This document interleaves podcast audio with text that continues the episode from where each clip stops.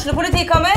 Ine Jansen er purk. Er du purk? The motherfucking bitch. Alt jeg vil, er å finne ut hva som skjedde med mannen min. Jon Carew. Er jeg sikta for noe? Iben Akeli. Det er du. Ole So, Lars Berrum og Big Daddy Karsten. Hvem sin side er du på, egentlig? Anette Hoff, Tone Danielsen, Kommer du fra Afrika?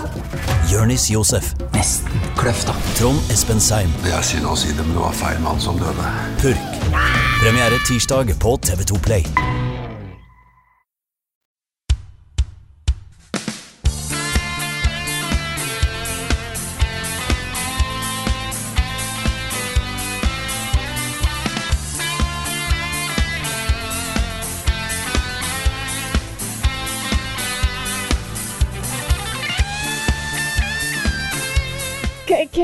Hva er dette her for noe? Er det sol? Vent, er det sånn verden ser ut? Etter en har bare sittet inne og spilt Elden Ring siden det, det kom ut på fredag? Hvilket år er det? Ja, hva år er det? Hvordan var det ting funka? Hvem er jeg? Hvorfor er det tomt her? Hvorfor er det alle bildene på veggen det er pakka ned og alle møblene tatt ut? Og hvorfor er det ikke noe barn og kode her? Lever fortsatt naboen? Er det, er det fortsatt mennesker der ute? Det er helt sjukt hvor all consuming det spillet her er. Altså. Ja. Det er helt vilt. Det er det. Jeg, jeg, kom, jeg, jeg sa i forrige podcast-episode at dette er et Souls-spill, et helt Souls-spill pluss et åpen verdensspill. Ja. Det er feil. Det er større enn alle spilla til From Software til sammen. ja. Det er så stort. Jeg kommer ikke over hvor svært det er. Så jeg har ikke gjort noe annet. Nei, det er helt crazy, altså. Men vi skal sikkert snakke litt mer om Elden Ring eh, senere i podkasten. Ja. Dette her er Vi glemte å si det. Dette her er podkasten Level Backup med meg, Frida Danvor, og med meg har jeg Karl Martin Hogsnes og Rune Fjell Olsen. Forrige uke var jo Elden Ring, Elden Ring spesial, men det, det kom til å bli Elden Ring denne uka her òg, altså. Det er bare å forberede seg på. Nå har jo dette her spillet òg bredt seg utover eh, bare dere to. Eh, og har jo tatt eh, hele, hele verden med storm. Eh, Ja, så, kan og så jeg jo er, det litt morsomt å, så er det litt morsomt å se på trophies også på PlayStation, fordi eh, de sånn late game trophyene, det er sånn 0,1% som har tatt det, liksom. 0,1% Og lenge, da, lenge, mange, mange mange dager etter lansering, så var det 0,0 på platinum-trophyen der. Men det er jo ikke rart. er det. Det er jo, jeg har spilt i snart 80 timer, og jeg føler Ja. jeg fortsatt er i mid-game. Ja, ikke sant? Det er du nok også, Karl. Det er helt vilt. Så, mm. Men ellers så går det bra med oss. Ellers så går det bra. Ellers så går det bra. Ja, det har kommet flere paller med utstyr til kontoret vårt. Ja. Eh, så nå er det vel egentlig, tror jeg, bare PC-ene som mangler, pluss at vi må kjøpe inn litt, eh, litt eh, møbler. Eh, og så lampene er også på vei. De er bestilt, men ikke kommet fram ennå. Eh, så nå begynner vi å rigge, da. Eh, og i løpet av en uke eller to så skal vi være helt opp operative på det kontoret. Og det blir, Wow. blir en overgang, altså. Ja, det er Så det gleder spennende. jeg meg masse til. Blir veldig, veldig spennende. Og så har jo eh, Det er så mye å gjøre nå. Jeg, vi måtte jo liksom droppe både spilleuka og mange andre ting. Fordi det er rett og slett for mye å gjøre. Og ikke alt handler om Elden Ring. Vi har svære, svære møter eh, på jobben og, og sånt også. Um, så vi har måttet utsette eh, behandlingen av de gjenværende søknadene, også de som har kommet videre i søknadsprosessen, om å bli våre nye anmeldere, lite grann. Så hvis du hører på og har søkt og lurer på hva som skjer, eh, og fått beskjed om at du er med videre, så bare smør deg med litt tålmodighet. Vi kommer dit, men det må behandles skikkelig. Vi kan ikke liksom bare feie over det. Vi må sette oss ned og virkelig, virkelig grave oss ned i søknaden og diskutere, ikke sant. Og det har vi rett og slett Vi har ikke hatt de timene tilgjengelig. Det er mm, enkelt og greit. Så Og det er ikke bare pga. Elden Ring, altså. Det er ikke det. Nei, Men nei. vi føler at det er viktig at vi tar den tida og behandler disse søknadene rettferdig. Mm. Eh, så det er derfor eh, vi håper dere forstår, forstår valget vårt. Yes. Jeg håper også folk er litt tålmodige på den Elden Ring-anmeldelsen. Fordi nå er både, både Svendsen og jeg er jo eh, dypt, dypt nede i spillet nå. ja. Eh, og har jo bestemt oss for å være, i og med at ikke vi var først Vi fikk jo spille bare en dag eller to før uh, anmelderembargoen. Så i og med at ikke vi er først, skal vi være grundige. Ja. Vi skal gi det spillet her den oppmerksomheten og den eh, behandlingen det fortjener. For det er noe helt Laget. et- spesielt. Ja, lage et, eh, et dokument for ettertiden. Noe Ja, som man kan se tilbake på. Ja, ikke sant? Ikke, ikke være prega av en sånn rusha embargoanmeldelse, men isteden bare synke ned i det og gi det gi det det det fortjener. da. Det føler jeg veldig sterkt, det. Så eh, det, jobb, det jobbes med, Ja. men eh, det, er, det tar litt tid, altså. Det er Bare ta den tida du trenger der, tenker jeg, da. Fordi jeg merker, jeg merker liksom nå som jeg har, har kommet meg gjennom det meste Jeg tror jeg har vært gjennom de fleste områdene nå. Jeg har bare bare, ja, vi kan ta det etterpå. Men poenget er at det er, det er så, jeg har så lyst til å se andre spille det og, og snakke om det og uh, forklare ting og sånt nå. Og så se innhold om det spillet her er eh, noe jeg har lyst på. Ja. Så uh, det kommer til å være sånn en stund, tror jeg. Altså. Ja, også, og så er det noe med at uh, det spillet er nå, er noe annet enn det det var for 40 timer siden. da. ja. Og det forandrer seg, og det utvider seg, og det utvikler seg hele tida. Og jeg har lyst til å få med meg hele den opplevelsen før jeg lager en video. Ja da. Eh, jeg vil jo si da at eh, det er fint mulig å lage en anmeldelse etter si 40-50 timer da, av Elden Ja Ring, da, det er det. og gi det 12 av 10. og, ikke sant? Det er fullt mulig. Jeg gjorde jo det. Eh, og det, det har ikke endra seg et fnugg. da. Det har bare blitt bedre etterpå, liksom. Ja, det er det. Det blir, ikke, det blir ikke verre, for å si det sånn.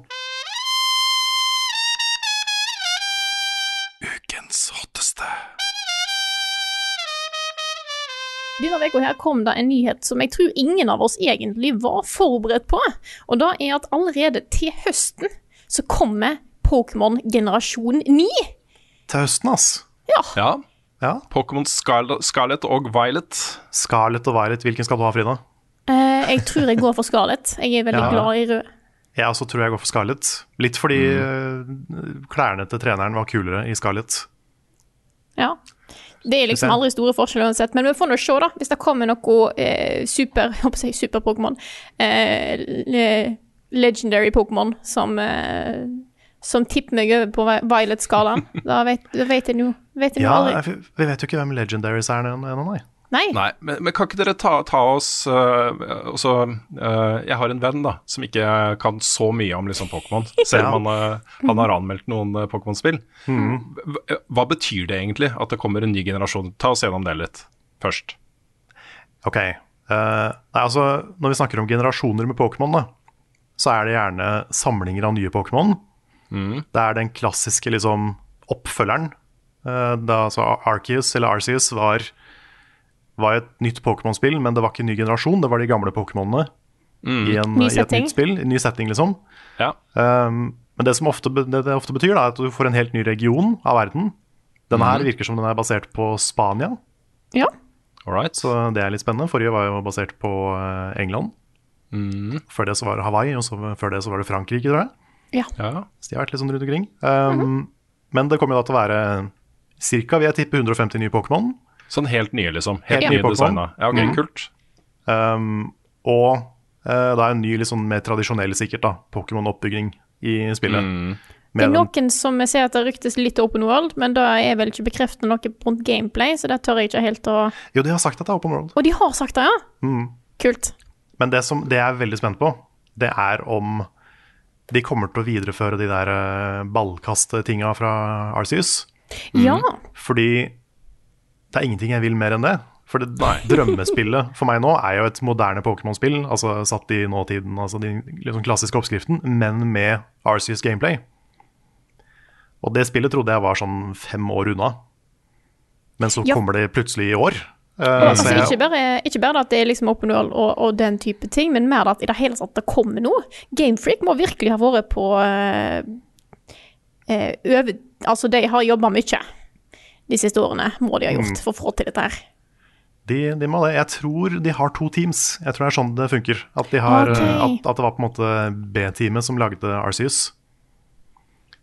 Mens, Altså eh, B-teamet, det dårligste teamet, eller bare det andre laget? Ja, altså, B-teamet som i det, det, det, min, det minste teamet.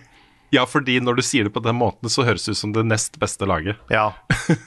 Men det er veldig typisk for japanske utviklere at de har liksom A-team og B-team. Ja.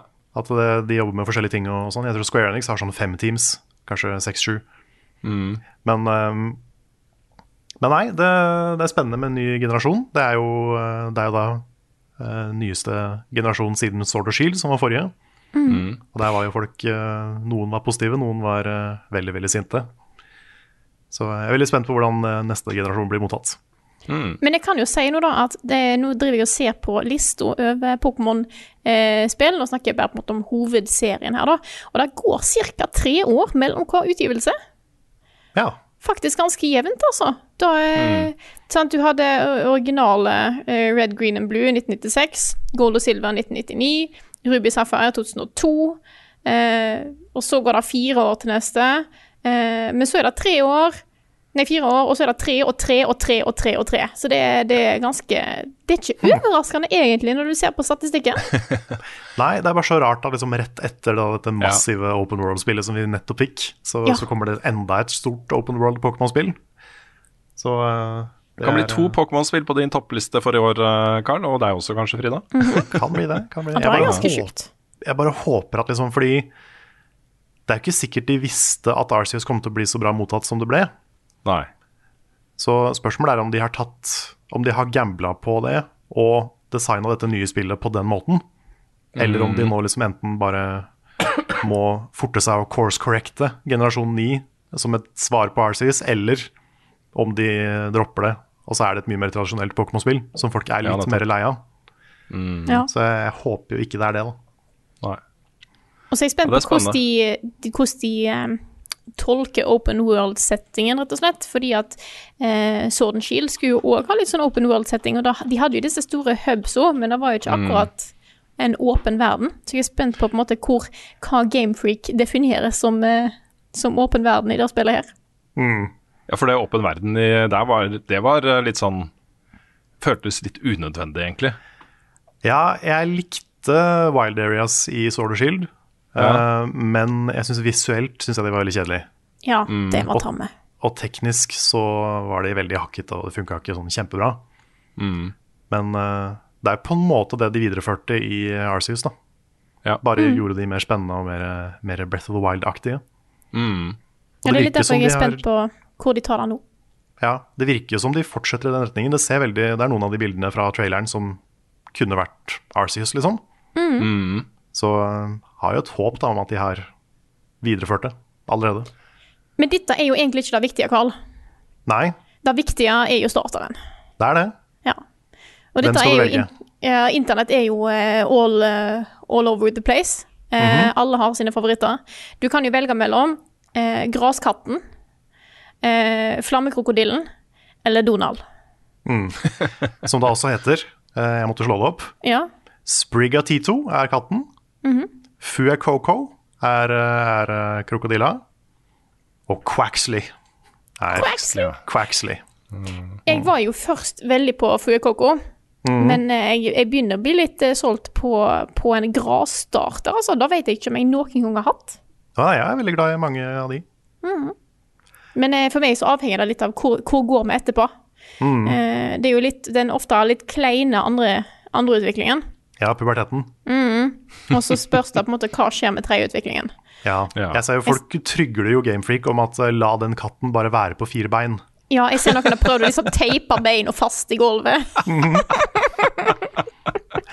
Det er jo sånne ting som Basert på at veldig mange av de søte små katte-revestarterne blir jo sånne tobeinte, menneskeaktige, rare ting. Ja. Og det er ingen som liker det. Nei. Og så ser Så, jeg òg, ja. fordi at Fuecoco har en sånn gul firkant på seg, Mhm. eh, og folk har jo òg sammenligna med den her eh, Å, hva heter den der eh, Score Bunny? Det er den, sant? Ja. Den, ja.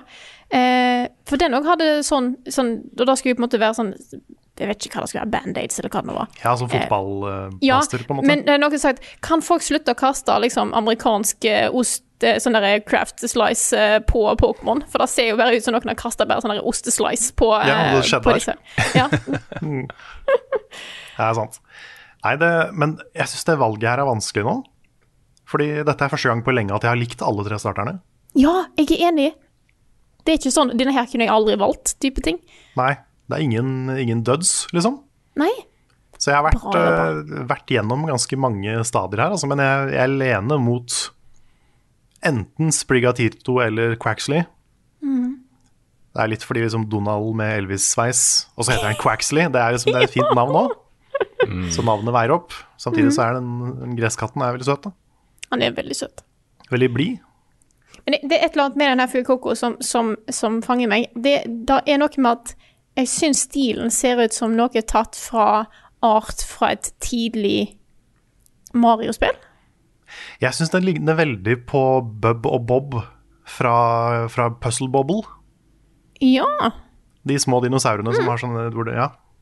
De ligner, de ligner veldig på de. Ja, det er sant. Så- Ja, nei, det blir et eh, vanskelig valg. Eh, gjør det. Men vi trenger heldigvis ikke å ta det før til høsten. Nei, så vi har lang tid på oss. Vi kan tenke hele sommer.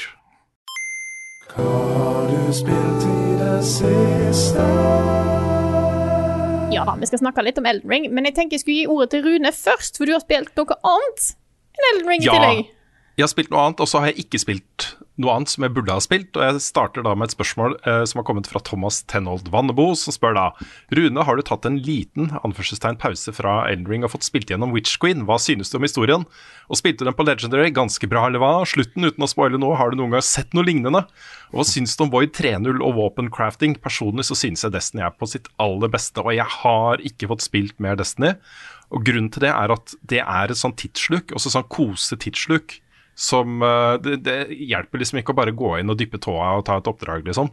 Um, jeg har et uh, lang sånn power grind foran meg. Jeg må komme opp til liksom powercapen og være raid-klar og, og sånne ting. Så jeg har måttet legge det til side til jeg er ferdig med alle de andre tingene. Og da skal jeg sette meg ned og virkelig kose meg også. Så, um, så ikke fått spilt mer. Det er helt sjukt også, at jeg ikke har fått spilt mer Witch Queen. Og det ligger liksom Det ligger liksom gjemt bak Eldring. Det er ikke sånn at jeg savner å spille Destiny, fordi jeg er så engasjert i Elden Ring. ikke sant? Men uh, dette skal jeg jo selvfølgelig tilbake til.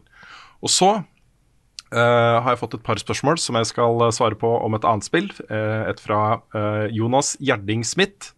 Lever Gran Turismo 7 opp til forventningene, Rune? Og da fra Kristoffer Bolæren Zetlitz.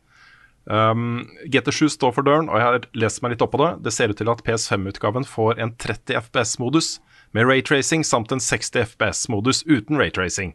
Hvilken modus foretrekker du, og hvilken kameravinkel liker du best når du kjører? Og jeg har jo da spilt Gran Turismo 7, jobber med anmeldelsen. Den rakk ikke sperrefrist. Det er litt sånn flaut å ta kontakt med NRK og si men, «Å, Jeg har ikke kjangs. Jeg, jeg klarer ikke den sperrefristen på onsdag. Er det greit om jeg leverer på fredag? Da, det sa de ja, ja, selvsagt. så den kommer på fredag, da. Det er jo lanseringsdagen, så, så det er jo fint. Uh, men uh, dette er veldig Gran Turismo, da. Det er veldig, veldig Gran Turismo. Og dette er jo en uh, sammenligna da med det forrige bilspillet jeg spilte. Det var Forza Horizon 5, ikke sant? Som starter med at du blir sluppet ut av et fly, og så freser gjennom jungelen mens det kommer liksom motorsykler som hopper over veien, og flyet sneier deg og, og sånt. Og så skifter du til en annen vinkel, og en annen kjører ned i vulkan. og her er det sånn ja, Du må kjøre en liten sånn kompakt hybridbil, da. det er liksom de første tingene du skal gjøre. Gran Turismo er veldig Gran Turismo, altså. Det er sånn Men, men kan du unlocke en dinosaur og en hammerhai? Nei, du kan ikke det. Du kan Kan ikke det. Det er da verdt å spille, sier jeg.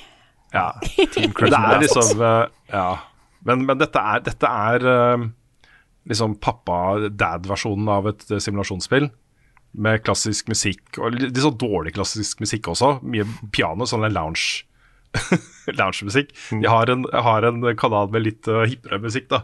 For sånne kule, kule uh, pusher 50-folk som meg. Kule dads? Kule dads. Eh, men, men det er veldig sånn derre sobert og kvalitet og seriøst og ta bilkultur på alvor og alle disse tingene som Gran Turisme har liksom lent mer og mer inn i da, fra starten av. Uh, og det har nok litt sammenheng med at uh, spillskaperne har blitt uh, eldre og på en måte fått en mer sånn der forfina um, appreciation for biler og bilkultur og bilhistorie og den type ting. Og den har tatt mer og mer plass da, i, i um, hva de mener det er viktig å formidle. Og jeg er glad for det. Jeg syns det er flott ja, at du har en serie som Gran Turismo som gjør det.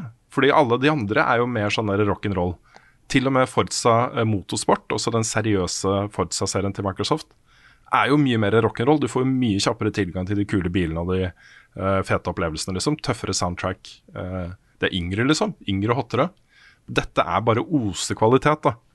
Um, og så vil jeg si at um, hvis du har mulighet, spill det på PlayStation 5. Jeg har ikke testa det på PlayStation 4, men den DualSense-integrasjonen i det spillet her er helt makeløs, altså. Uh, det er helt utrolig digg å spille uh, og styre disse bilene med DualSense, med haptic feedback og uh, en sånn rumble-funksjon som, som får deg til å føle liksom hvor vekta i bilen ligger. Og dette ble jo sagt på den der State of Play om Gran Turismo som, som Sony hadde tidligere år. At det skulle være sånn. Men det er sånn. Du kan liksom kjenne at ok, nå bremser du, så du, du føler liksom at bilen blir mer fronttung. Um, det, det, føles kjempegodt. da. Så alle dere som sier at simulasjonsspill må spilles med ratt og pedaler, jeg er ikke enig. jeg, jeg, tror det å spille det med en DualSense er en, uh, kanskje den kuleste måten å spille det på. Mm. Og så er det jo eh, sjukt detaljrikt, da, um, dette her. Flotte verdener og sånt. Så, så, i sum Jeg har ikke konkludert ennå. Jeg, jeg, har ikke helt bestemt meg for ternekast og sånne ting. Men i sum, hvis du er glad i Gran Turismo, så virker dette her som den fulle pakka, liksom. Fordi du får jo tilgang til de kule bilene etter hvert. Spare opp penger, ikke sant, og kjøpe deg den bilen du har lyst på. Jeg har merka en Shelby Cobra. jeg er tagged som favorite. Den skal jeg kjøpe med en gang nok penger, og det er ikke så dyr. Jeg mangler bare 10 000 credits eller noe sånt, så kan jeg kjøpe den. Um, de kommer. De kommer etter hvert. Det tar bare litt tid, liksom. Du må bare liksom skli inn i det, på en måte. og så har du jo hele uh, online-greiene med ranked matches og multiplayer og, og sånt uh, etter det igjen, da. Det er uh, mye her, altså. Mye innhold. Så, um, så hvis du liker serien, så tror jeg dette er, dette er bra, bra greier. Og så da Elden Ring. Det er, det er ikke noe tvil om at jeg har spilt mer Elden Ring. Um, dette, er, dette er en sånn der, Hvis jeg ikke får platinum i dette spillet, her, så føler jeg at jeg feila i livet. og det er Det er litt synd at jeg føler det sånn, fordi nå ja, står jeg, jeg du, er har, opp, du, er mye mer opptatt av platinum enn meg, altså. Ja, meg òg. Ja, det, er, det, betyr litt for meg, akkurat den platinumen eh, der, altså. Um, og nå er det sånn jeg står Jeg er ganske sikker på at jeg kan gå å gjøre endgamet, altså det, de siste bossene, de siste greiene, liksom. Få en ending. Kan, mm. Jeg kan gå og gjøre det nå, tror jeg. Uh, men det er jo fortsatt ting jeg ikke har gjort da, i spillet. Optional uh, bosses og sånne ting, som er megabra. og så to av de aller, aller aller kuleste områdene i dette spillet her er optional, liksom. Det er trophy for det og sånne ting, men det er optional og vanskelig å finne. Så, um, så det er ting jeg har lyst til å oppleve igjen i dette spillet her. Mm. Men, eh, men, jeg har da starta uh, eh, trofejakten, og da har du det sedvanlige problemet. Det er missable trophies i dette spillet her, og det er litt dritt, altså. Når du har spilt, Jeg har spilt i 110-20 timer nå, og vet at jeg har missa en trophy. jeg har missa to trophies. Uh, fordi jeg ikke har fullført questene og da har jeg ikke fått det våpenet jeg trenger for å få den ene trophyen. ikke sant? Men da har du New Game Plus, ikke sant? Mm -hmm. Ja, New Game Plus, eller da starte med en ny karakter. Uh, fordi det skal være mulig uh, å ta uh, trophies på alt som ikke handler om endings i ett run. Mm. Det, det, er, jeg tror ikke det er noen, noen våpen eller, eller talismans eller noe sånt skjult bak pluss to og pluss tre, da. Ringene i Dark Souls 3. Du måtte jo kjøre New Game pluss tre. Nei, pluss to var det, altså tre runder. Mm. Uh, for å få de siste ringene du mangla, ikke sant. så det er ikke noe sanne her, da, eh, heldigvis. Så, men uh, ja, det er noen quester der jeg har gått glipp av, også, rett og slett. Som ble avslutta fordi jeg gikk for fort fram i, i, resten av spillet og sånne ting. Hmm. Um, og da har jeg lyst til å nevne da, at jeg har starta å preppe en ny karakter som skal gjøre det. Ta de tingene jeg mangler. Og hør her nå, folkens. Den karakteren er level 43, og jeg har ikke tatt Margit engang. Nei. Jeg har bare, med all den kunnskapen jeg har nå, om hvor du får tilgang til de kule områdene, du får sånne rune-pakker sånn, som gir megamye runes tilbake. da. Uh, bare ridd rundt på Torrent og henta de, og henta våpen, henta items og levela opp og henta oppgraderingsmaterialer og uh, låst ja. opp områder og snarveier og sånt. Fordi det, det kan du gjøre. Og du, eh, det er et bra tips egentlig til alle som sliter med Margit, for det er en vanskelig boss. Ja, ja. Det er en, altså, i, i, kategorien vanskelige Souls-bosser så er Margit oppi der, liksom. Mm. Uh, så hvis du sliter med den bossen, som mange vil gjøre i starten, ja. så, så, er det bokstavelig talt over 40-50 andre bosser du kan ta. Mm. Og andre områder du kan dra til og utforske og sånn.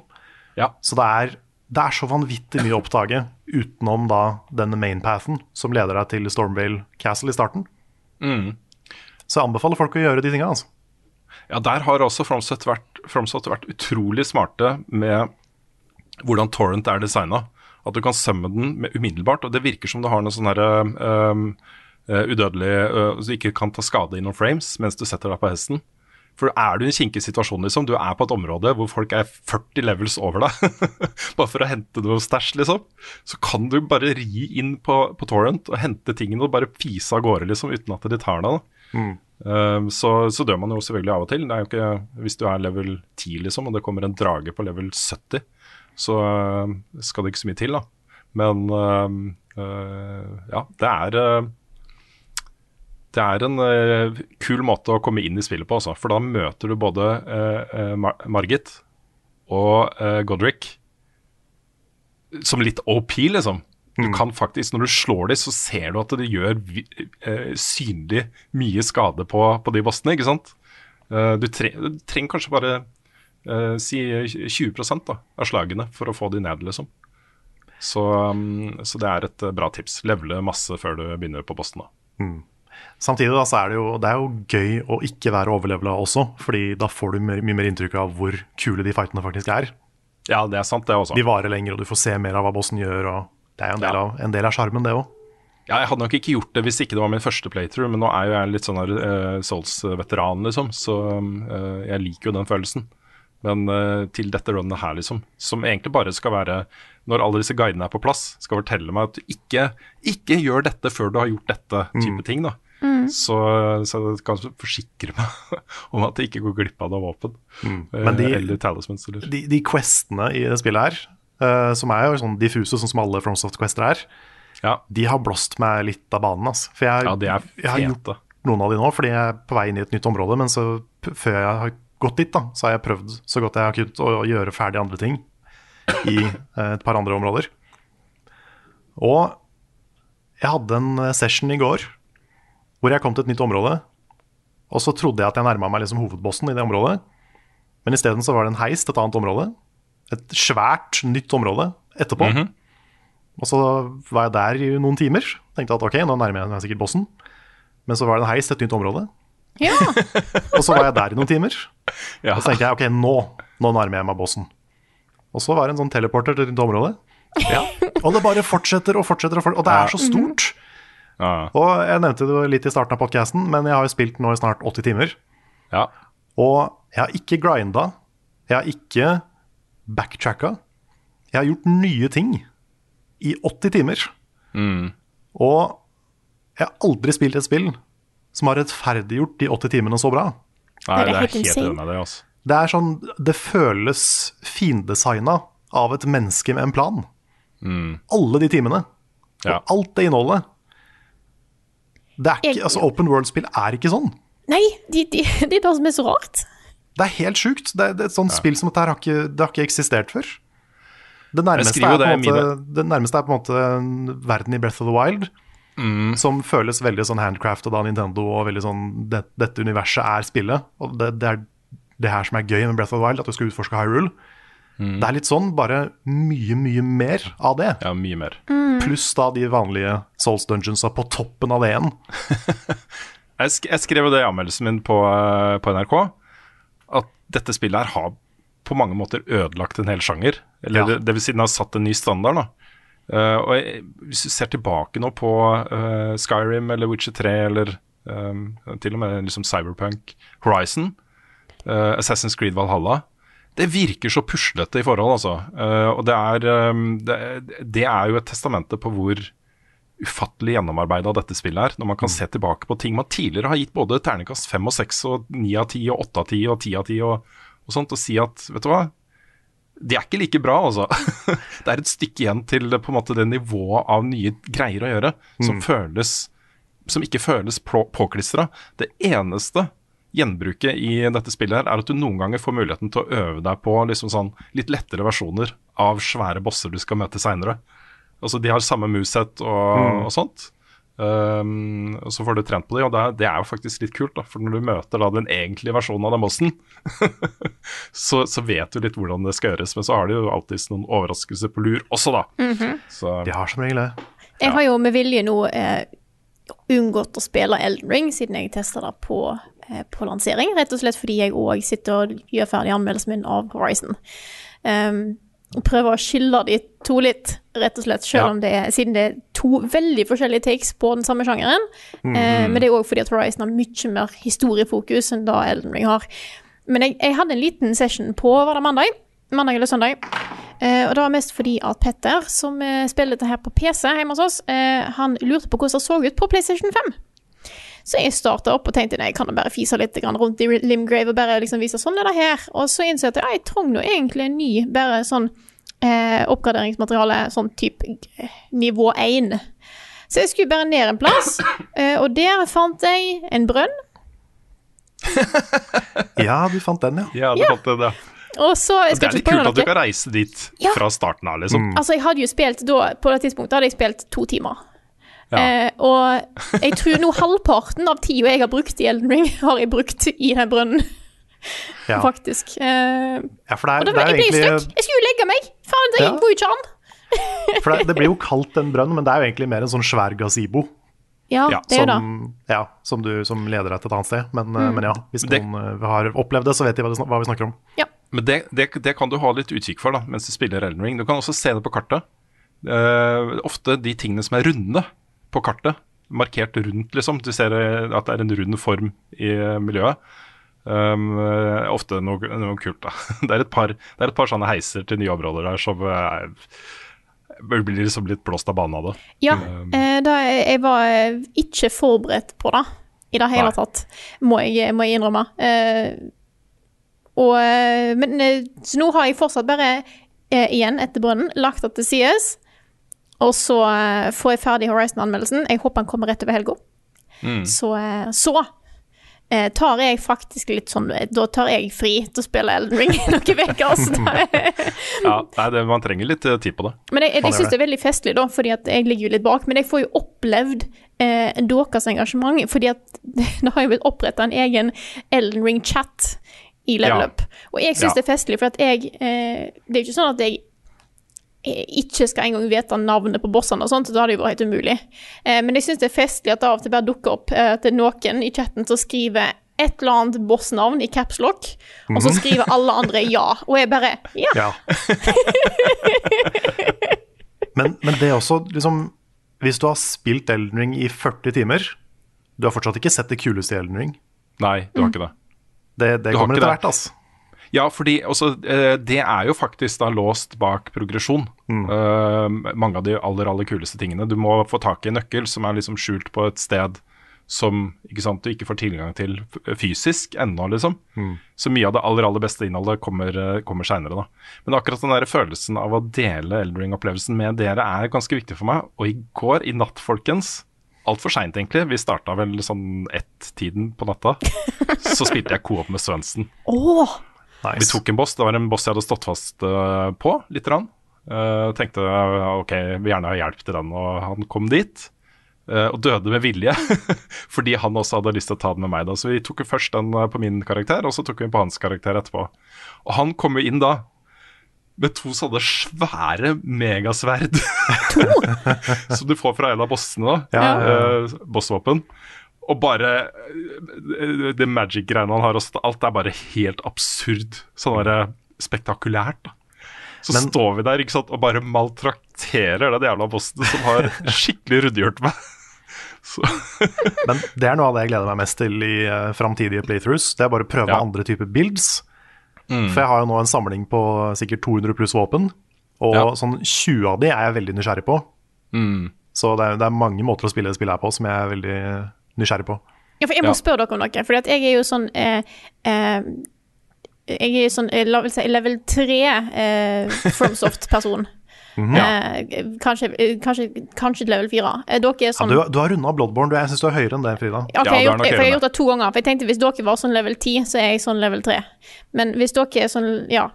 Er har, du runda, har du runda et FromSoft uh, Soulsborne-spill, ja. Så er det minimum fem, liksom. Ja, ok. Minimum. Men da Ja, siden jeg har gjort det to ganger, så er jeg sånn level 8, da. 8-9. ja, Eh, ja, du- Plutselig så er det på tid Ja. vet du. Ja. men, men problemet mitt skjønner du at jeg, eh, når jeg spilte Bloodborne, så hadde jeg eh, sånn, sårklyveren min, og den hadde jeg hele veien. Så, og eh, da å få tak i oppgraderingsmateriale i Bloodborne går jo, går jo greit, men hvis jeg skulle begynt å oppgradert et helt nytt våpen fra scratch. Så jeg hadde jeg blitt litt sånn stressa, har jeg brukt altfor mye oppgradering på det første våpenet. Og sånn er jeg litt sånn stressa i Elden Ring. Må jeg være det, eller kan Nei. jeg Nei, OK, supert. Det er godt å vite. Okay. Tusen takk. Punkt én. Disse her mindsa som du finner, uh, har mye oppgraderingsmaterialer. Men noen av de, og også noen av bossene, har også en oppgradering, en, en sånn eh, bell, eller en sånn derre ball, som du kan gi til de to søstrene som er i, i Ja, du har ikke kommet til ennå, du sikkert, Frida. Men det er en sånn hub-lignende Den eh, plass her. Ja. Der sitter det to sånne med sånne svarte hetter eh, du kan eh, shoppe av. Hvis du gir dem de der bell offerings, så eh, får du gradvis bedre og bedre oppgraderingsmaterialer du kan kjøpe! Okay. Helt opp, helt opp til level 8 på Sombring, og helt opp til level Jeg husker ikke, et eller annet på, på den vanlige Smithingstone. da.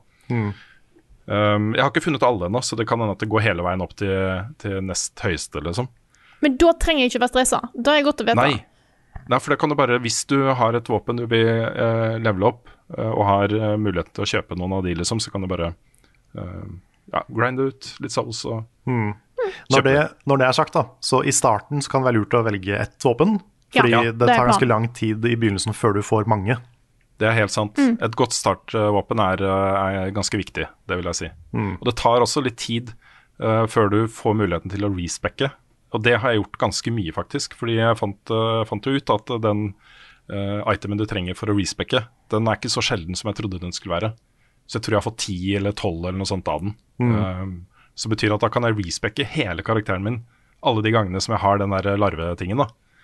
Uh, så jeg har lagd uh, sånne temp-builds som bare bytter fra strength til, til faith, f.eks. Bare for å sjekke liksom, hvordan er det, hvordan føles det. Og så har jeg gått tilbake til strength og dex. da. Så eh, jeg har sånn quality, quality build. med Ja, jeg også har også kjørt det. strength og dex. Jeg har, jeg har vurdert mange ganger å kjøre sånn respec-option, men jeg har stort sett latt være. For jeg, har liksom, jeg har lyst til å ha, dedikere meg til det jeg gjør nå, og så heller bare gå tilbake seinere eventuelt. Men uh, det er gøy, altså. Men jeg ser vi har fått et eh, Nå har jeg ikke jeg eh, tilgjengelig akkurat nå, fordi at jeg har ikke forberedt meg. Men vi har jo fått spørsmål om, om builds og sånt. Eh, Nå virker det som at vi alle har egentlig gått for eh, strength builds, men jeg må jo spørre hva er det dere leveler når dere leveler strength builds? Det er ikke bare strength, det er vitality og endurance? Eh, Endurance er ganske viktig på strength. Hvis du har de litt større våpnene, så er endurance kjempeviktig. Fordi det betyr at du kan få inn kanskje da ett ekstra slag ikke sant? før du må trekke deg unna og få staminaen tilbake. Um, og når du gjør så mye damage som du gjør på noen av disse tunge strength-våpnene, så er det ganske viktig. Um, at du ikke går tom for stamina. Men en annen ting er at eh, veldig veldig mange våpen, de fleste våpen, scaler med flere ting samtidig. Nettopp. Så hvis du har f.eks. Det er der du har den derre C, D, E eller AB på, på menyen, og da ser du det hva, hvilken stats de scaler med. Så det vil si hvis det, hvis det står noe der både på strength og på dex, så betyr det at uh, våpenet blir sterkere både når du leveler strength og når du leveler dex. Mm, er det også sånn da at hvis det står f.eks. C på dex og E på strength, uh, vil man få mer tilbake fra å levele dex? Ja, hvis, det er, hvis Ja. det er C på strength, Ja. Og Det E- er C på dex og E på også hvis det er høyere ja, da, hvis, hvis, du får, hvis det er C, så får du høyere enn på E. Ja. Ja, Det gjør greit. Da skal jeg gå og respecke litt uh, med en gang. For jeg har Men, et men våpen opp, som er opp til et visst punkt, da, fordi det er jo softcaps og sånn. Så Ja, det er lurt å sjekke i menyen hva, hvor mye det går opp. Ja. Nei, det er um, Det er litt av, litt av et spill, altså. Det er liksom Jeg begynte jo liksom allerede etter en sånn 20-30 timer å tenke er dette, er dette det beste spillet jeg har spilt noen gang? Og det føles veldig sånn nå, altså. Det føles veldig sånn. Det føles så bra. Jeg fikk en, eh, en eh, skikkelig krass, eh, krass eh, melding fra noen som lurte på hvordan jeg kunne si det. da, Hvordan kunne jeg være så panegyrisk, liksom, eh, for et spill? Kan man ikke være litt mer nøktern og behandle det mer som sånn litteraturkritikk eller teaterkritikk, eller å være litt mer sånn kritisk? da? Ja, kritisk, ja. Kritisk, det er bare Ja, litt sånn der, litt sånn der objektiv, på en måte. Også være litt mer sånn, ikke sant, mm. grounded. Men det er, jo, det er jo lov å si dette er den beste filmen jeg har sett, eller dette er den beste boka jeg har lest. Jeg vil jo, jeg vil jo si det, da. Det er um, Jeg uh, elsker jo denne følelsen her. Det er ikke så ofte Jeg kan telle liksom på ja, si fire hender, da. Eh, De gangene jeg har fått en så sterk følelse opp igjennom. Og da er det jo bare med de aller, aller, aller største tingene.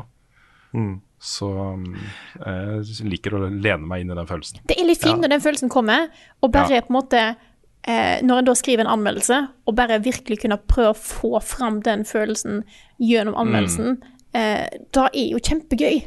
Ja. Det er det. Jeg syns det, er- det er vanskelig å sammenligne spill også, fordi eh, det er, det er vanskelig å sette Eldring opp mot Undertale, liksom, som er mitt favorittspill. For det, er så, det, er, det, det kunne ikke vært mer forskjellig. Det går ikke an å sammenligne de to opplevelsene i det hele tatt, liksom. De, de er gode på helt forskjellige ting, og de gjør helt forskjellige ting og, i det hele tatt. Men jeg Det tror, jeg, jeg tror det spillet her, altså Elden Ring, er det mest imponerende spillet jeg har spilt. Jeg tror aldri jeg har blitt så imponert av liksom en total spillopplevelse som jeg har blitt av det her. Jeg er enig. Men så blir det også den det er vanskelig å sammenligne. Det kan man jo også si om Elden Ring satt opp mot Bloodborne, f.eks. For, eksempel. for Bloodborne tilbyr en helt annen type, litt mer sånn regissert uh, opplevelse. Ja, uh, Elden Ring har også det, da. Jo, jo, jo, selvfølgelig. Men her er også Bloodborne som en, som en sånn derre uh, inne, eh, sånn uh, begrensa opplevelse. Altså, Dette er Bloodborne, liksom. Dette er universet. Eh, her er bossene, her er historien. Ja. Eh, her er de forskjellige sluttene. Som en sånn mer spesifikk ting, da. Uh, det, er, det er lov å sette mer pris på det enn den der massive 'her er det nytt', 'her er det nytt'. Den bossen var fet, den bossen var enda fetere. Det er den feteste bossen jeg har sett noen gang. Det var våpenet her, da. Ikke sant? For alle spill kan ikke være sånn. Nei. Nei, Eh, nei, er. Gudskjelov, altså. Det er veldig sant. Så eh, Bloodborne og Sekiro er på en måte hver sine ting, sånn sett. Ja. ja. Kanskje enda mer Sekiro. Det er jo enda mer eh, annerledes enn de andre. Men jeg mener jo at man nå Jeg, jeg i hvert fall hvis du, hvis du skal se dette som Dark Souls 4, som jo kanskje det i, på mange måter er, så er det ikke noe tvil om at det er det beste Dark Souls-spillet, i hvert fall. Det er jeg ganske tydelig på. Ja, ja det, er, det er bare den skalaen som har bare blåst meg helt av banen. Og det er, ja. Jeg overdriver ikke når jeg sier at det er, det er større enn alle de tidligere From-spillene til sammen. Ja, eh, det er det. Det er det. Og jeg, jeg, snakker ikke, jeg, jeg snakker ikke om kvadratmeter på kartet, liksom, for det er jo naturlig ganske stort. Mm. Og da er det kanskje snakk om 30-40 ganger så stort. Men, men i bare mengden innhold, altså bra innhold, skreddersydd bra innhold, så er det større enn alle de andre spillene til sammen. Jeg fikk, jeg Altså, en på ting er repet- Ja, nei, fortsett. Ok, så En ting er disse legacy dungeons. De er jo svære, svære. Altså Det er sånn type eh, Ringed City, Dark Souls 3, eller også de største liksom, eh, nivå, levels da, i eh, tidligere Souls-spill. Eh, Men så har du også, og da eh, ikke sant, bare ri forbi en eller annen eh, borg, som ikke er så stor som de der massive slottene som er sånn legacy-greier og sånt. Så kommer du inn der, og så er det Kanehurst, liksom. Og så det er såpass med egne bosser, ofte, i flertall, og items å finne, og hemmeligheter og, og, og sånne ting, da. Um, så det, det er på en måte Det, sier jo litt om skalaen her, liksom. Hvor ting som er optional, du trenger ikke å stikke i men hvis du gjør det, så kan du få en sånn type Caners-lignende opplevelse av det, ikke sant? Jeg husker jeg, eh, før dette kom ut, og, eh, og FromSoft sa til at du, det kunne ta en 30 timer å komme gjennom Elden Ring. Og da var det en diskusjon på om kommer Elden Ring til å bli for kort. Ja. Ja, Jeg lurer på om det er bevisst villedende at de har prøvd å bare liksom um, overraske folk med størrelsen, når de har sagt det. jeg veit ikke. Det er bedre, altså, det er bedre da enn at de hadde gått ut og sagt at det kom til å ta 500 timer å komme gjennom Elden Ring. Ellers så, ellers så er det jo sånn det, det er sikkert fysisk mulig. Det er jo litt som å si at du kan runde Skyrim på et par timer. Uh, hvis, du, hvis du vil, og hvis du bare kjører mainquesten, liksom. Men det er jo ingen som spiller Skyrim på den måten. Nei, det er jo som å si at de har gått ut og sagt ja, du kan spille Sekiro med blind for øynene. Bind Nå for kom jeg på noe! Ja. Tenk dere neste GDQ, da. Ja, det har jeg tenkt mye på. Speedrun av Elden Det har jeg tenkt mye på. Å, fytte rakkeren, det blir fett å se på! Det blir dritgøy. Det er så mye sånn sequence breaking og ting du kan gjøre i det spillet her, som bare Det kommer til å bli helt vilt å se på, altså. Nå kan jo vi snakke i en evighet om Elden Ring, men jeg lurer på om vi skal begynne å runde av for, for, denne podkasten her. Ja, for vi skal snakke her. mer om Elden Ring. Vi må, altså, vi, vi må lage en spoilercast etter hvert. Nå, Ja. eh, Det er litt gøy, fordi Nick ligger jo litt etter oss. Um, Ja. Vi driver og snakker om liksom, alle de utrolig kule tinga vi opplever i den chatten. Så kommer det en melding fra Nick av og til. 'Jeg fant et kult tårn'. Ja. Så han er, han er ikke fullt så langt i spillet som oss, men han, han jobber med det, han òg. Så uh, det blir, eh, det blir gøy. Når vi, når vi liksom har spilt mye, kanskje spilt ferdig alle sammen, så kommer den eh, sikkert en ganske lang spoilercast. Definitivt. En, en, en spoilerserie. Spoiler-serie. Ja, det kan jo være det. da. da Spoilersesong. Her kommer Neder med Rune Fjellosen, og han har ikke hår. Ja, du og jeg, Frida, vi var jo gjester på eh, Helgemorgen på eh, P2 NRK1 på lørdag. Da var vi. Ja, og da var, det, da var det jo litt sånn eh, spesielt, fordi da hadde de sittet i et par timer og snakka om alle de forferdelige greiene som skjer i Ukraina eh, om dagen. Og så er det sånn Men nå skal vi snakke, skal vi snakke om dataspill. For det har nemlig kommet Ikke sant? Så kommer vi inn da for å snakke om Elden Ring. Ja. Det var vel Eh, fra politisk spill til andre spill, og jeg var sånn Ja, dette er en overgang. Ja. Det var en hard overgang. Men det er eh, Uten tvil så har jo Ukraina, det som skjer her, også prega spillmedia og spillbransjen. Og som, det er jo mye fordi også, uh, vi lever ikke i et samfunn som eksisterer utenfor den virkelige verden. Uh, den virkelige verden påvirker også eh, eh, oss, og ikke minst så er det jo en egen spillindustri i Ukra Ukraina. Um, eh, blant annet eh, eh, de som lager Stalker. Um, eh, Frogwares og Sevarium-utvikleren Vostok er der. Ubisoft har studioer i Ukraina, så, så dette påvirker jo også spillbransjen direkte. Eh, og uh, jeg har fått et spørsmål fra Vega Lindland, som spør da hvordan tror dere den pågående krigen i Ukraina vil kunne påvirke spillindustrien framover. Og det man har sett, og det, det er jo litt uh, interessant å se, da, fordi denne invasjonen av Ukraina har jo vært veldig samlende for EU. Plutselig så har liksom EU Jeg så en kommentar på det, en, leste en kommentar, om at for første gang da, på sjukt lenge så har EU liksom klart å samle seg veldig tydelig eh, mot noe, fremstå som en liksom stormakt da, i eh, da, eh, forsvar mot Russland. Um, og man ser også uh, at det påvirker uh, spillere og uh, utviklere direkte. Du har World of Tanks creative directoren, uh, Sergej Burkatovski eh, gikk ut med støtte til Russland offentlig i en Facebook-post som han har sletta. han ble da sparka. Um, du har CSGO-ligaen Blast Premier, som nå stenger ute russiske, russiske lag. Akkurat som de snakker om i, i Eurovision, skal de nå stenge ute Russland. Jeg vet ikke om de kommer til å gjøre det. Um, det påvirker da store store internasjonale topplag som Virtus, Virtus Pro, eh, Gambit Esports, Forts og Spirit. Eh, du har eh, en eh, stor stor norsk Twitch-streamer som heter Zizeran, som hadde da en veldedighetsstream eh, til inntekt for uh, ofrene i Ukraina eh, på onsdag.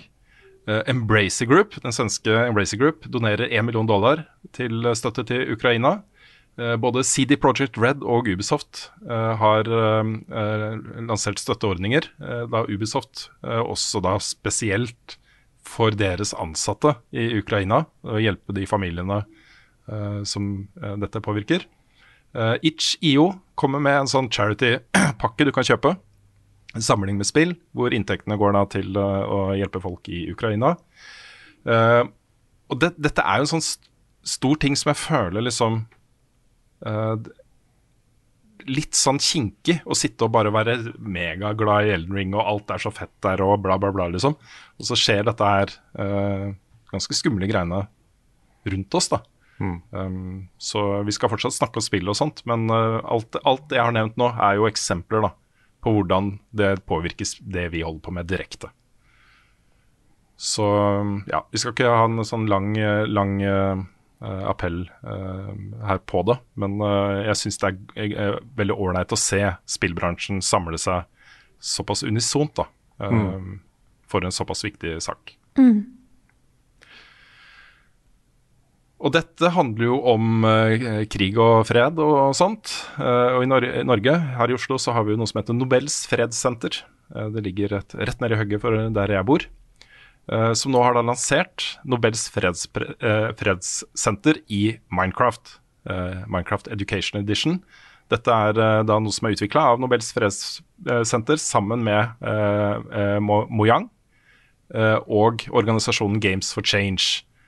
Eh, og her er det da eh, en, eh, en modell av fredssenteret i Minecraft som da barn og unge kan gå inn i og lære mer om fredsprisvinnere, om forskjellige kriger og konflikter i verden osv. Så, videre. så det er en veldig fin, fin tanke.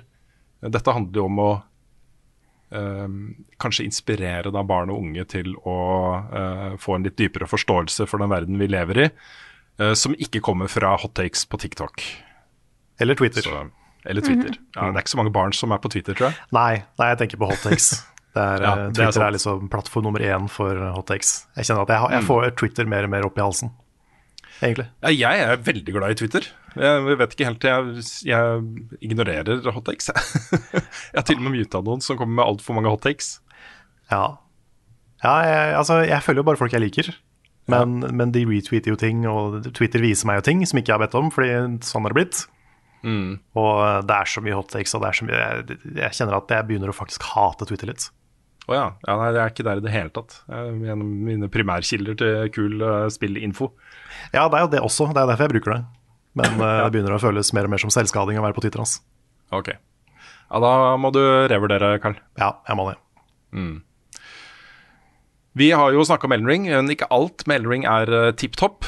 Og, og da gjelder det særlig PC-versjonen av dette spillet, som jo ble lansert med altfor mange problemer. Og dette er eh, Jeg har fått litt sånn spørsmål om det er dette sånn der eh, Cyberpunk 2077-situasjon all over again. Og det er det jo egentlig ikke, da. Fordi eh, hvis jeg som anmelder ba om å få PC-versjonen, så hadde jeg fått PC-versjonen. Eh, jeg ba spesifikt om kunne jeg være så snill få PS5-versjonen, for den jeg hadde lyst til å spille pga. de trofeene, ikke sant. Eh, så der har jo eh, anmelderne som har spilt av PC-versjonen, hatt muligheten til å komme med god, grundig informasjon om hva som ikke funker der. Inkludert da min favoritt-Soulsborne-YouTuber, Fighten Cowboy, som har en anmeldelse. Jeg syns så synd på han.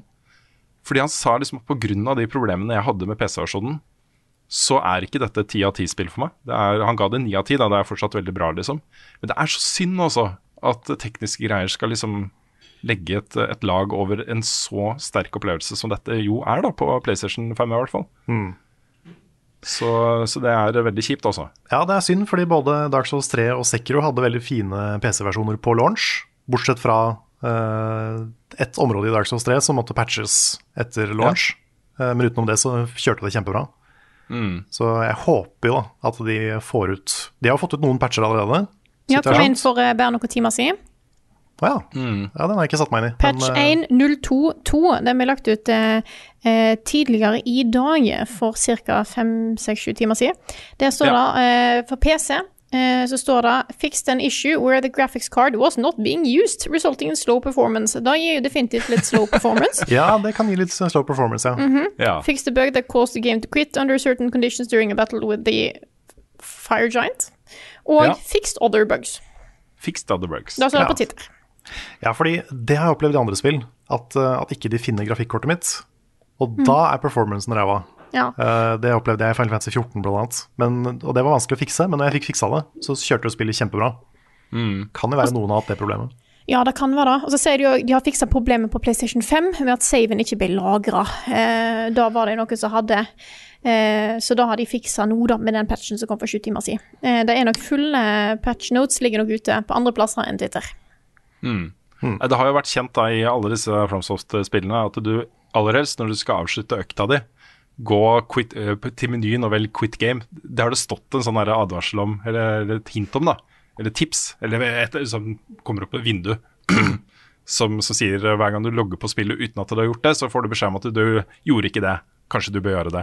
Det er jo sikkert fordi de i den engine de bruker og i den kodingen de har, så har de uh, funnet ut at ved, under visse uh, forutsetninger så uh, kan det føre til at ting ikke blir lagra. Så, mm, så jeg er ganske sånn slavisk på den. Det, det, det gjør jeg hver gang.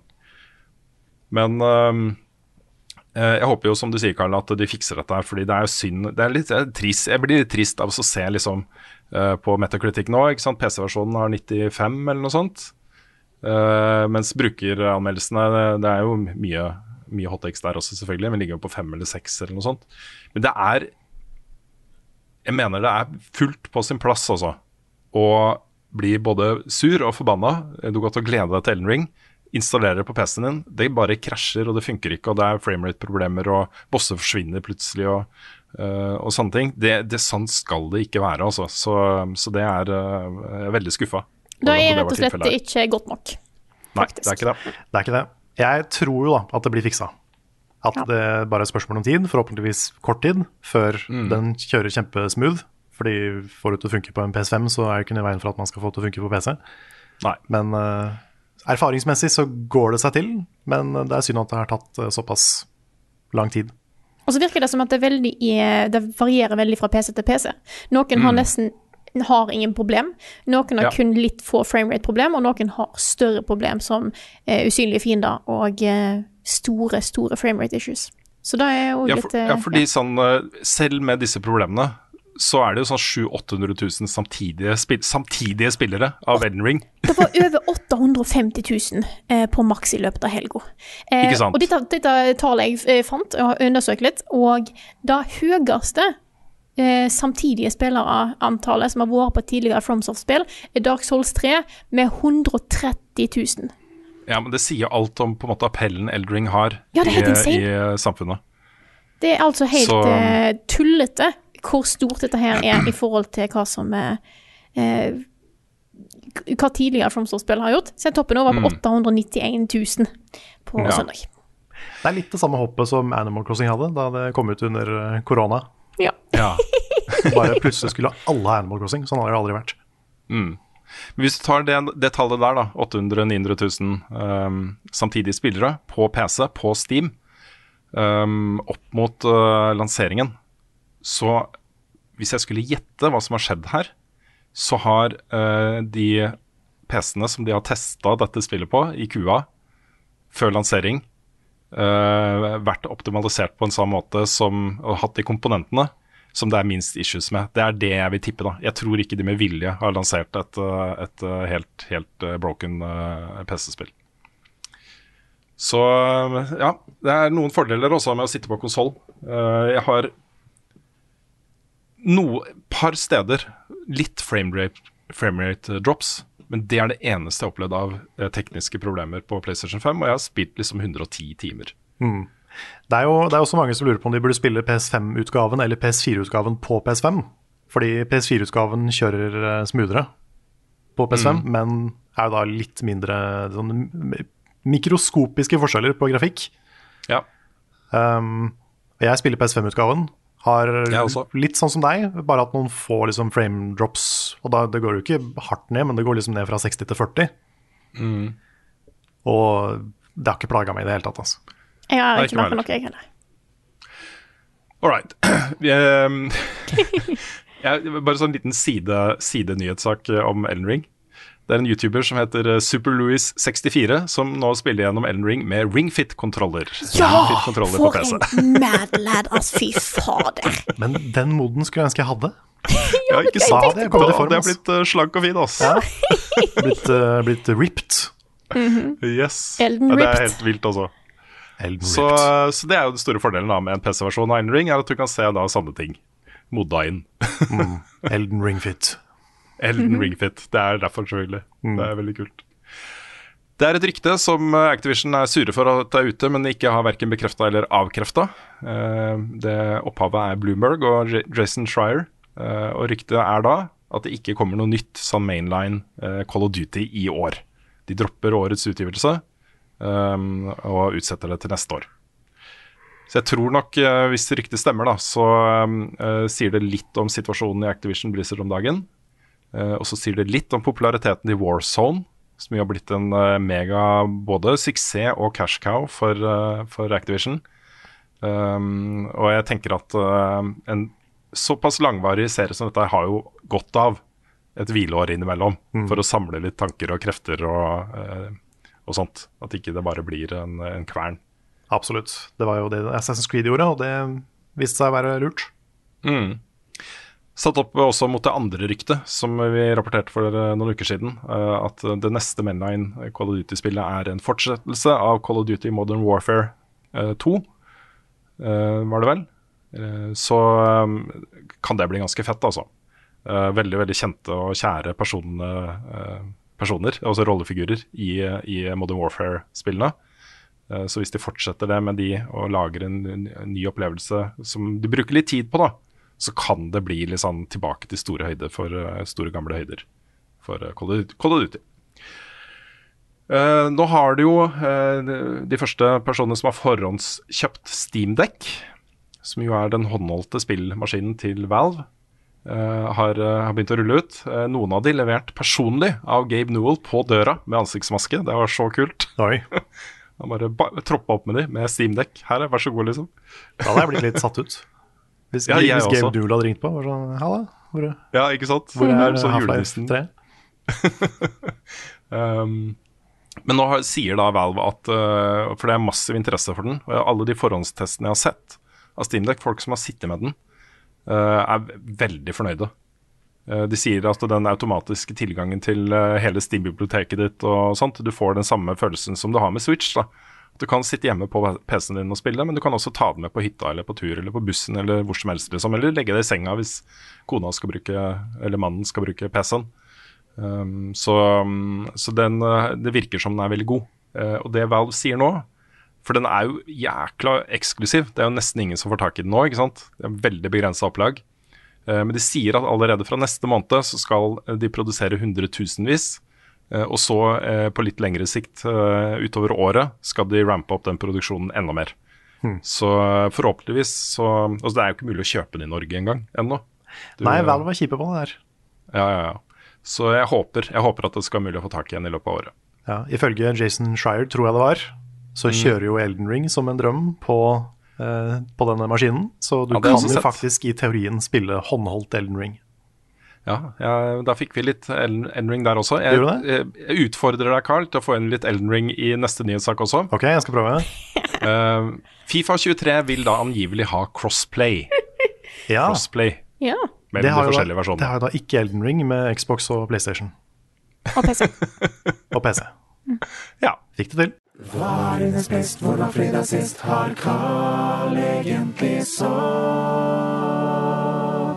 Ukens spørsmål. Vi starter med et spørsmål som handler om Ellen Ring. Det er fra Ja, vi må Øystein. av. Ja. Hva sa du? det også. Ja, Vi må runde av med det også. Ja, ja. Eh, så vi starter med et spørsmål fra Øystein Sørheim, som skriver Hva blir neste for FromSoft? Tror dere de skal lage noe like stort som Elden Ring, eller gå mer tilbake til normal størrelsesspill og lineære opplevelser som før? Kan de egentlig klare å overgå monster av et spill eh, Overgå det monster av et spill de har skapt? Tror dere folk blir skuffa om det neste de lager, ikke er like stort? Det er et godt spørsmål, altså. Fordi um, eh, ikke bare har dette spillet her endra litt forventningene folk har til FromSoft, men det må jo, det må jo ha endra De sitter sikkert og jobber med det nå, tenker jeg da. Strategi for neste år uh, og neste år der igjen og neste ti årene. Hva, be, hva betyr dette her? Fordi også, eh, Vi hadde jo en liten øvelse, du og jeg, Frida, på hvor mange eh, kopier dette spillet her må ha solgt. og Hvis det har liksom 800 000-900 000 samtidige spillere på Steam, så kan du nok i hvert fall doble det, det tallet på PC. Og så har du PlayStation og Xbox i tillegg. Så vi snakker trolig, da, tror jeg, sånn fire-fem millioner solgte spill, i hvert fall. da. Ja, enig. Bare til lansering, liksom. Eh, og dette er, eh, eh, dette er svært, altså, for eh, et eh, tross alt da, ganske lite selskap eh, med eh, suksess, men ikke et sånn type Skyrim, eh, Rockstar Games-type suksess. liksom. Det kan fort Elden Ring bli. da. Det er klart det påvirker uh, hva de kommer til å satse på framover. Ja, jeg begynner å tenke at det kanskje er noe i de ryktene om uh, at Bloodborne 2 lages av uh, Bluepoint, med Miyazaki som, eh, eh, som liksom creative lead. Ja. Fordi det gir litt mening etter noe sånt som Elden Ring. For da, i Bloodborne så er scopet mye mindre. Det er jo kanskje det korteste FromSoft-spillet utenom Sekiro.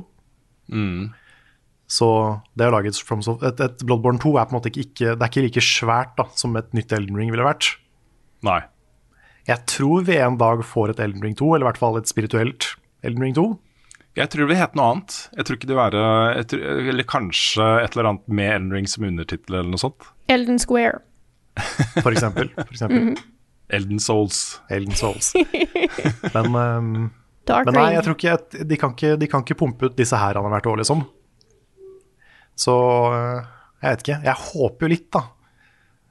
Og kanskje se noe helt nytt fra Miyazaki etter hvert. Litt sånn som Sekiro var, med et combat-system som, som ikke nødvendigvis er det samme, da.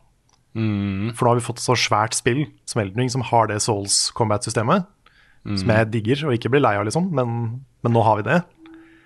Så kanskje se noe helt nytt. En ny type combat, en ny type setting enn dark fantasy eller eh, sånn, eh, sånn viktoriansk horror.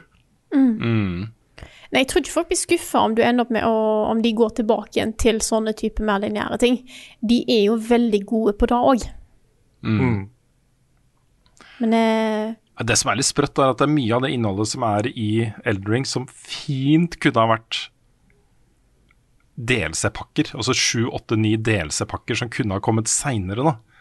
Um, men det er også rom for DLC her, altså. Det er uh, muligheter til å lage, liksom, åpne opp nye områder og uh, gjøre nye ting i Elden Ring-universet. Så det, det har jeg vel en viss uh, anelse om kanskje vil komme. Kanskje til og med at de begynner å jobbe med og så Se for deg dette spillet her, da. Jeg, jeg, jeg er veldig glad i Summons-systemet og co-op-systemet som er i Souls-spillene, i FromSoft-spillene. At ikke det er alltid tilstedeværende. Fordi da får du den personlige tilknytningen til området, da. Som handler om innlevelse, mer enn jeg har det fett med kompiser. Men det hadde vært kult, altså. Et full, full co-op i Elden Ring etter at jeg har fullført det og sånt, bare fise gjennom alt uten å måtte sømme det, og at de forsvinner etter at bosser er tatt og sånt. Det hadde vært kult, altså. Nio 2 hadde noe kult der, hvor du kunne Ja. gå inn i en uh, Nio er jo mer sånn level-basert, da. At du går inn på liksom Mm. en bane. Eh, det er jo ikke Elden Ring, men, men de hadde et system hvor du summona eh, folk inn i starten for å spille liksom alt sammen, Ja. men du kunne bare dø så og så mange ganger. Ja. For du kunne revive hverandre og sånn, da. Mm. Men det var maksgrense på hvor ofte du kunne dø og hvor mye skade du kunne ta og sånn. Så det, der er det noe som kunne Ja. vært uh, jobba videre med. Men jeg tror nok, jeg tror nok det er ganske uh, sannsynlig da, at uh, eh, om ikke hele FromSoft eh, blir satt til å gjøre det, så eh, de begynner nå arbeidet med hvordan, hvordan skal vi klare å overgå Elden Ring. La oss eh, se, se om vi kan få til det. Eh, vet ikke om det er mulig, men uh... Det er jo litt skummelt når du har et spillselskap som på en måte bare har kommet med suksess på suksess på suksess. Jeg blir jo redd for på en måte hvor, hvor Når stopper det? Mm. ja. Kommer det til å stoppe? Altså Zelda-spillene er fortsatt dritbra. Mario-spillene er suksess hver gang. Sånn at eh, jeg sier ikke at han må. Nei, sant. Men samtidig, da Selda trengte et Breath of the Wild. Kanskje FromSoft-spillet en dag kommer til å trenge en sånn shakeup. Mm. Om ikke dette her var shakeupen. Det var jo en shakeup, sånn, en kjempe, en kjempe-shakeup, men en sånn gameplay-messig shakeup, da, kanskje. Mm. For det har Altså, vært ganske tipper- likt hele veien, utenom med Sekiro. Mm. Eh, Hvis jeg skal spå nå, så tror jeg nok uh, Elden det kommer nok til å selge, hvis jeg skal anslå nå, et sted mellom 30 og 50 millioner eksemplarer. Um, og da er du Da er du på Call of Duty, uh, Assassin's Creed og over det til og med, liksom. Um, jeg, jeg, du på, begynner å nærme deg liksom Skyrim-nivå i salg. Uh, og det er um, vanskelig å se for seg hvor mye det kommer til å endre det selskapet. fordi For det første så vil de jo ha vilt mye mer penger enn de hadde før. Uh, og for det andre så uh, blir de jo mye mer attraktive for oppkjøp av de store fiskene. ikke sant? Altså Verdien i selskapet, plutselig er det penger å tjene da, for de, de, morselskapet deres. Um, og også sånn altså Blizzard, hvordan de på en måte vokste med en suksess som World of Warcraft og ansatte tusenvis av nye mennesker og uh, hele selskapet endra seg. Uh, det, det var ikke det samme som før. Det var ikke den samme liksom uh, nærheten til produktene og spillene lenger, som jo medførte en del sånn interne problemer. Arbeidsmiljø og sånne ting. Så, så det er store utfordringer med suksess også. Så, så dette er en eh, Det blir spennende å følge med på hva de gjør framover, også. Ja, jeg kunne tenke meg å ha sett litt sånn cosmic space horror fra FromSoft. Oi. Ja, men det har vi snakka om før. Ja. Det hadde vært fett. da Tenk deg liksom uh, From Software uh, blanda med Alien og den, den greia, liksom. Kanskje vi snakker om et Metroid-spill fra FromSoft? Åh, Metroid-spill fra FromSoft. Åh. Må gir gi deg sånne tanker, vet du. Eh, Nei, det, jeg merker at det er en utfordring nå, fordi eh, um, altså, Hver gang jeg får den der, uh, altoppslukende følelsen som jeg har nå, så den går jo over. Jeg vet den går over, liksom. Men uh, akkurat med Elden Ring så kommer det til å bli vanskelig å på en måte nullstille meg da, og gjøre meg klar for nye ting. Liksom føler meg ferdig med Fromsoft, uh, med Elden Ring. Det er ikke jeg, jeg ser ikke den foran meg på horisonten, liksom. Ok, det, greit, nå har jeg gjort, gjort det. Det er litt derfor den platen min er viktig for meg, da. At jeg får den. Fordi det er et sånn bing, det kommer opp et symbol på skjermen som sier at 'nå har du gjort alt'. Nå er du ferdig. ja, nå er jeg ferdig. Det er sånn mentalt. Ja. Det mm, Jeg skjønner at det sikkert sitter noen nå som har hørt på podkasten og bare ikke er interessert i Elden Ring og tenker at nå har dere snakka nok om det spillet, men jeg håper samtidig uh, folk har litt forståelse for at det spillet her er så stort og så overveldende at det liksom Det er ikke ofte det kommer et sånt spill. Det forrige, Veldig, veldig det, forrige jeg kan, altså det, det er på nivå med sånne Mario 64 og Carina of Time, sånne spill som føles som en sånn du lever midt i en spillrevolusjon, liksom. Ja, ja. Og det, det føles oppriktig sånn for meg, altså. Ja, det føles oppriktig sånn for meg også. Det er, det er eh, helt sant, altså. Det er Half-Life, liksom. Det er Half-Life. Ja, det er sånn. Det, er- det er Mm. noe sånt. Ja. Så vi har neste? flere Elden Ring-spørsmål, vi. Ja, ta en til. det. Jeg skal ta et. Ja. Um, ja, dette her er bra. Fra Endless Sacrifice på Discord-serveren vår. eh, som skriver da Jeg hører selvfølgelig mye bra om From Software-spillene. Jeg har testa Bloodborne og kom meg til Cleric Beast. Ble momentant slakta. Prøvde den flere ganger, og det samme skjedde. Jeg liker utfordringer, så dette hadde ikke vært et problem for meg om jeg, om jeg kunne starta like ved. Men når man blir kasta langt tilbake om å gjøre mye på nytt, mister jeg tålmodigheten. Og akkurat den der Cleric Beast-pathen fram til den bossen, den Den er det er jo den, Men det er jo den lengste også, i, i Bloodborne. Med mye kjipe fiender på veien og sånn. Ja, altså, Bloodborne har noen elementer av det der. Uh, men jeg syns likevel det er litt sånn en myte også, at det er så lange veier tilbake til bossene. For ofte så er det ikke det. Du må bare åpne en snarvei. Ja, Men- det er men- sant, for det er jo en snarvei her også. Men, men altså, det som, jeg, det som er tingen, da, er at når du er ny i dette og ikke vet at det er en snarvei For jeg har vært der. Jeg har vært akkurat der, og jeg vet akkurat hva han snakker om. Eh, mitt tips er eh, Han spør jo òg, da, er Elden Ring, akkurat, Elden Ring akkurat likt, eller er det mulig å starte på nytt like ved eller nærmere der du dør? Det er mange flere save points. Jeg syns du generelt starter nærmere ting i Elden Ring så langt jeg har vært gjennom det. Eh, Ja, Men du har jo i tillegg også sånne Stakes of America som blir plassert rett foran bosser. Som er sånn et checkpoint-system. Når du starter på nytt, så kan du velge om du skal starte på forrige Grace du lagra ved, liksom, hvor du var ved, eller ved uh, den forrige uh, Stake of Marika. Og da er du bokstavelig talt på mange av disse bossene, så skal du løpe ned en gang, og så er uh, fogwallen der, liksom. Men jeg har et annet tips, da, eh, som, som tok meg litt tid å forstå. For jeg har en følelse av at jeg er nødt til å ta ting på veien for å faktisk bli sterk, sterkere. Fuck that shit. Spring forbi fiender. Skal du til bossen, spring forbi alle mobs òg. Gi faen i at de er der. Eh, da er, Det er litt gøy, det også. Når du har de der, på, akkurat på vei til Clerkby, så har de de der svære svarte hundene etter deg. Bare. Så går du topp for stammen, og så nærmer de seg. Ikke sant? Og så, rau. Så, så eh, ja, Elden Ring er bedre på det. Du kommer nærmere. Det er mindre styr å komme deg tilbake til bossen etter du har dødd. Eh, Du slipper å styre med Blood Vials, som, som kan også føles som en, eh, en ekstra vegg i, i Bloodborne. Men spring forbi fiender. Da er det ikke så langt, egentlig. Eh, Nei, nei, nei. Da kommer de- det seg veldig. De aller, aller fleste bosser er rett ved checkpoints Ja, ja, i ja. Elden Ring. Så Elden Ring er mye, mye mer tilgjengelig på den måten enn da Mm. Bloodborne har vært.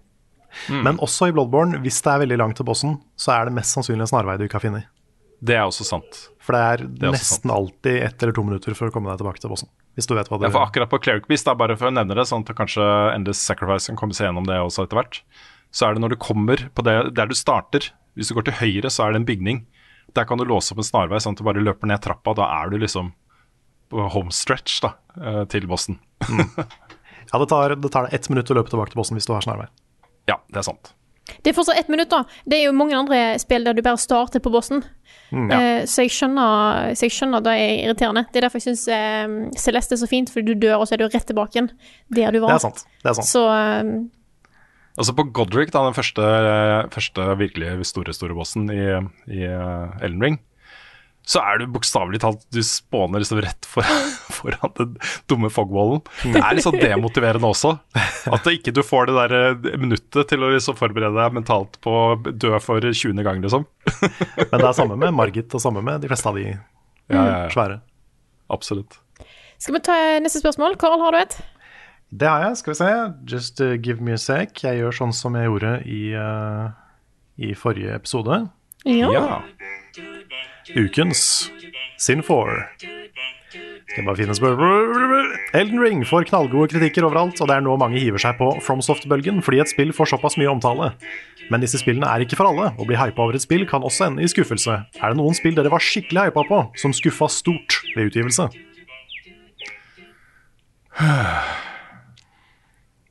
Det er ikke så ofte jeg blir så skuffa over spill, men Altså, tingen, tingen med spillmedie er litt sånn spesielt også fordi jeg føler at man oftere enn eh, med film og TV-serier og bøker og sånt kan styre forventningene sine basert på hva utvikleren har gjort før. Basert på hva du har fått vite av trailere, basert på eh, dine personlige erfaringer med ting. eh, enn du kan med film. Også det er filmer av regissører jeg elsker, som, som, som jeg ikke liker så godt. Plutselig, liksom. Um, det skjer mye sjeldnere i spill. Da. Fordi hvis det er fra et team som er dødsbra, som har en god creative director eh, og en track record å vise til, så blir som regel de spillene ganske bra, altså. Ja, jeg, eh, jeg. jeg, jeg prøver å finne ut når jeg ble sist veldig skuffa. Jeg, jeg det er ofte sånn kom ikke på noen sånn direkte. Nei, Det er gjerne sånne langvarige serier, da, sånn som jeg ble skuffa over Sonic Forces, men eh, da var jeg litt forberedt på å bli skuffa. Ble veldig skuffa over Tony Hawk 5 da det kom. Jeg var skuffa over Pokémon eh, Sword and Shield, men jeg hadde ikke så høye forventninger heller. Nei. Nei, for det skuffa ikke meg. Det, jeg var ikke en av de som ble sure på det spillet. Nei, jeg ble Jo, kjempesur. jeg kom kommer på en. Ja. ja. men bare fortsett. Nei, så jeg ble ikke kjempesur. Det var mer sånn eh, Jeg skulle ønske det var bedre. Ja, ja det, det skulle nok jeg òg. Men jeg syns fortsatt det var liksom mer enn bra nok til at jeg likte det. Jeg tror du likte Wild-områdene bedre enn jeg gjorde. Ja, det gjorde jeg nok. Ja? Det hadde vært en morsom siden det er Trond som spør, da. Om jeg hadde sagt eh, Gran Turismo 7. han, han vet jeg gleder seg veldig til Gran Turismo 7. Uh, men det, det, det er ikke det, da. Men jeg husker, jeg husker den store uh, Tomb Raider, eh, Angel of Darkness-greia som var. Nå likte jeg det kanskje litt bedre enn mange andre, men det var jo som fikk jo mye slakt, da, eh, det spillet der. Eh, jeg tror jeg kanskje ga det terningkast fire, men jeg hadde jo liksom forventa da, eh, at det skulle være mye mye bedre, så det ble jeg veldig skuffa over. Det, det, det husker jeg godt. Jeg ble skuffa over den siste timen av 12 Minutes. Ja. Å ja. Oh. ja, det er sant. Ja, det er et godt eksempel, da. Mm. For det trodde jeg skulle være et spill jeg kom til å uh, gi en veldig, veldig høy score. Ja, samme her. Helt til uh, Helt til. Helt til.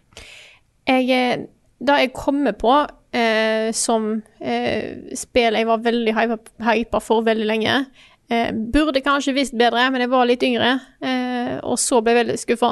Det er jo eh, Sonic and the Black Knight. Der var jeg så på hypetog, jeg. Jeg var så klar. Men jeg burde jo skjønt det. Jeg hadde jo spilt Sonic and the Secret Rings, og det saug. Ja. Ja. Du var liten, da. Jeg var ganske ung. Ja.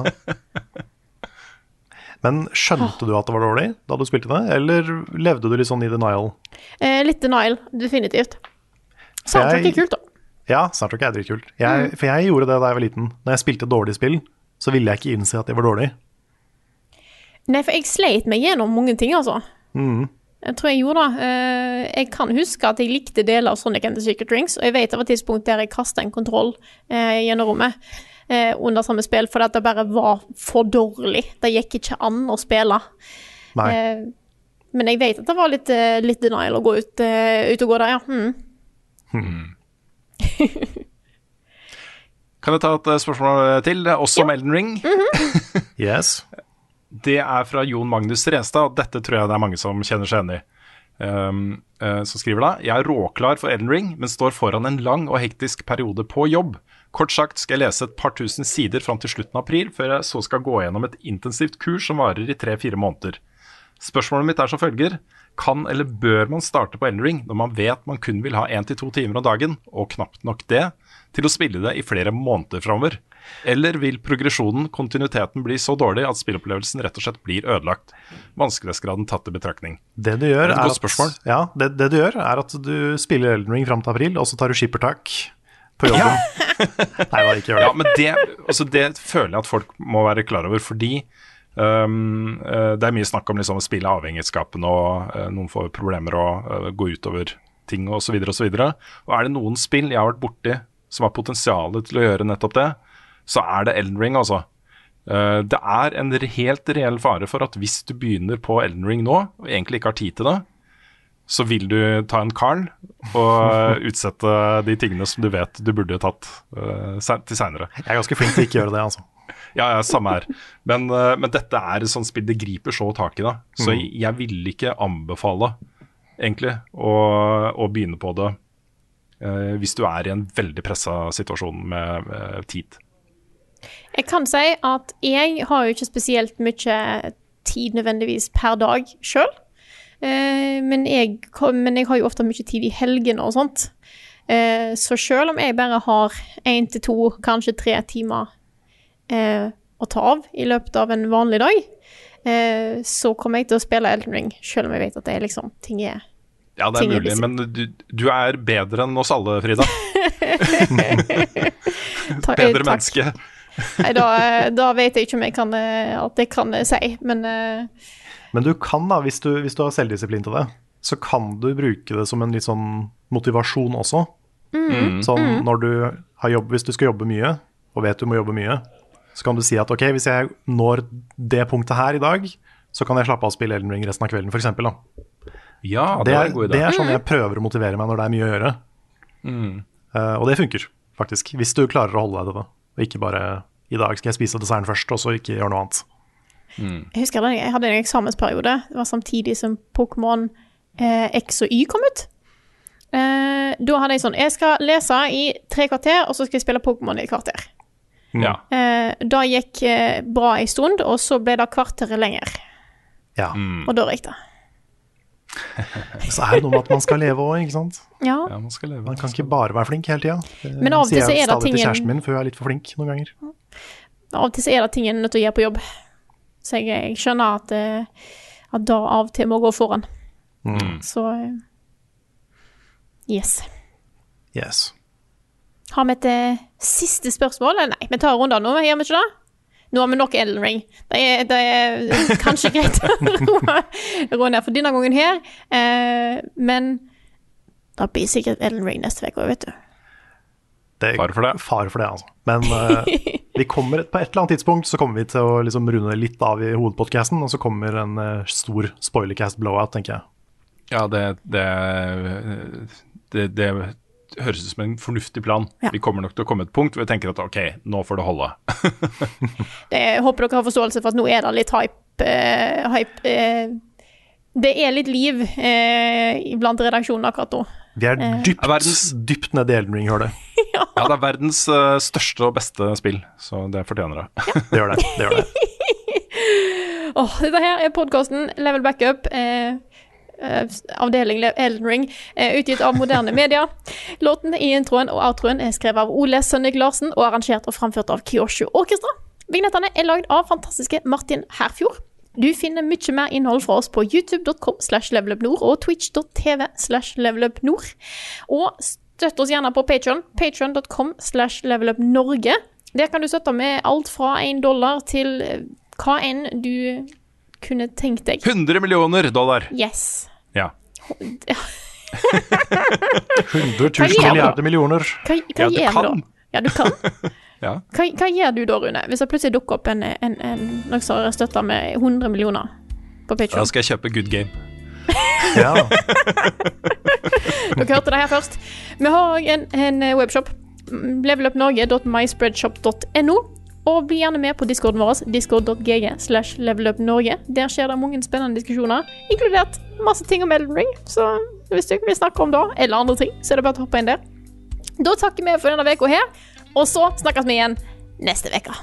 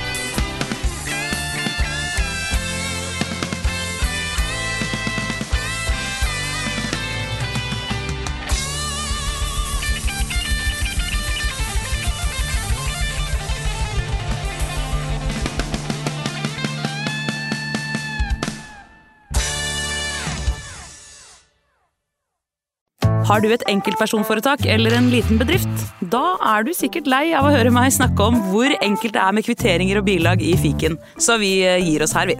Fordi vi liker enkelt. Fiken superenkelt regnskap.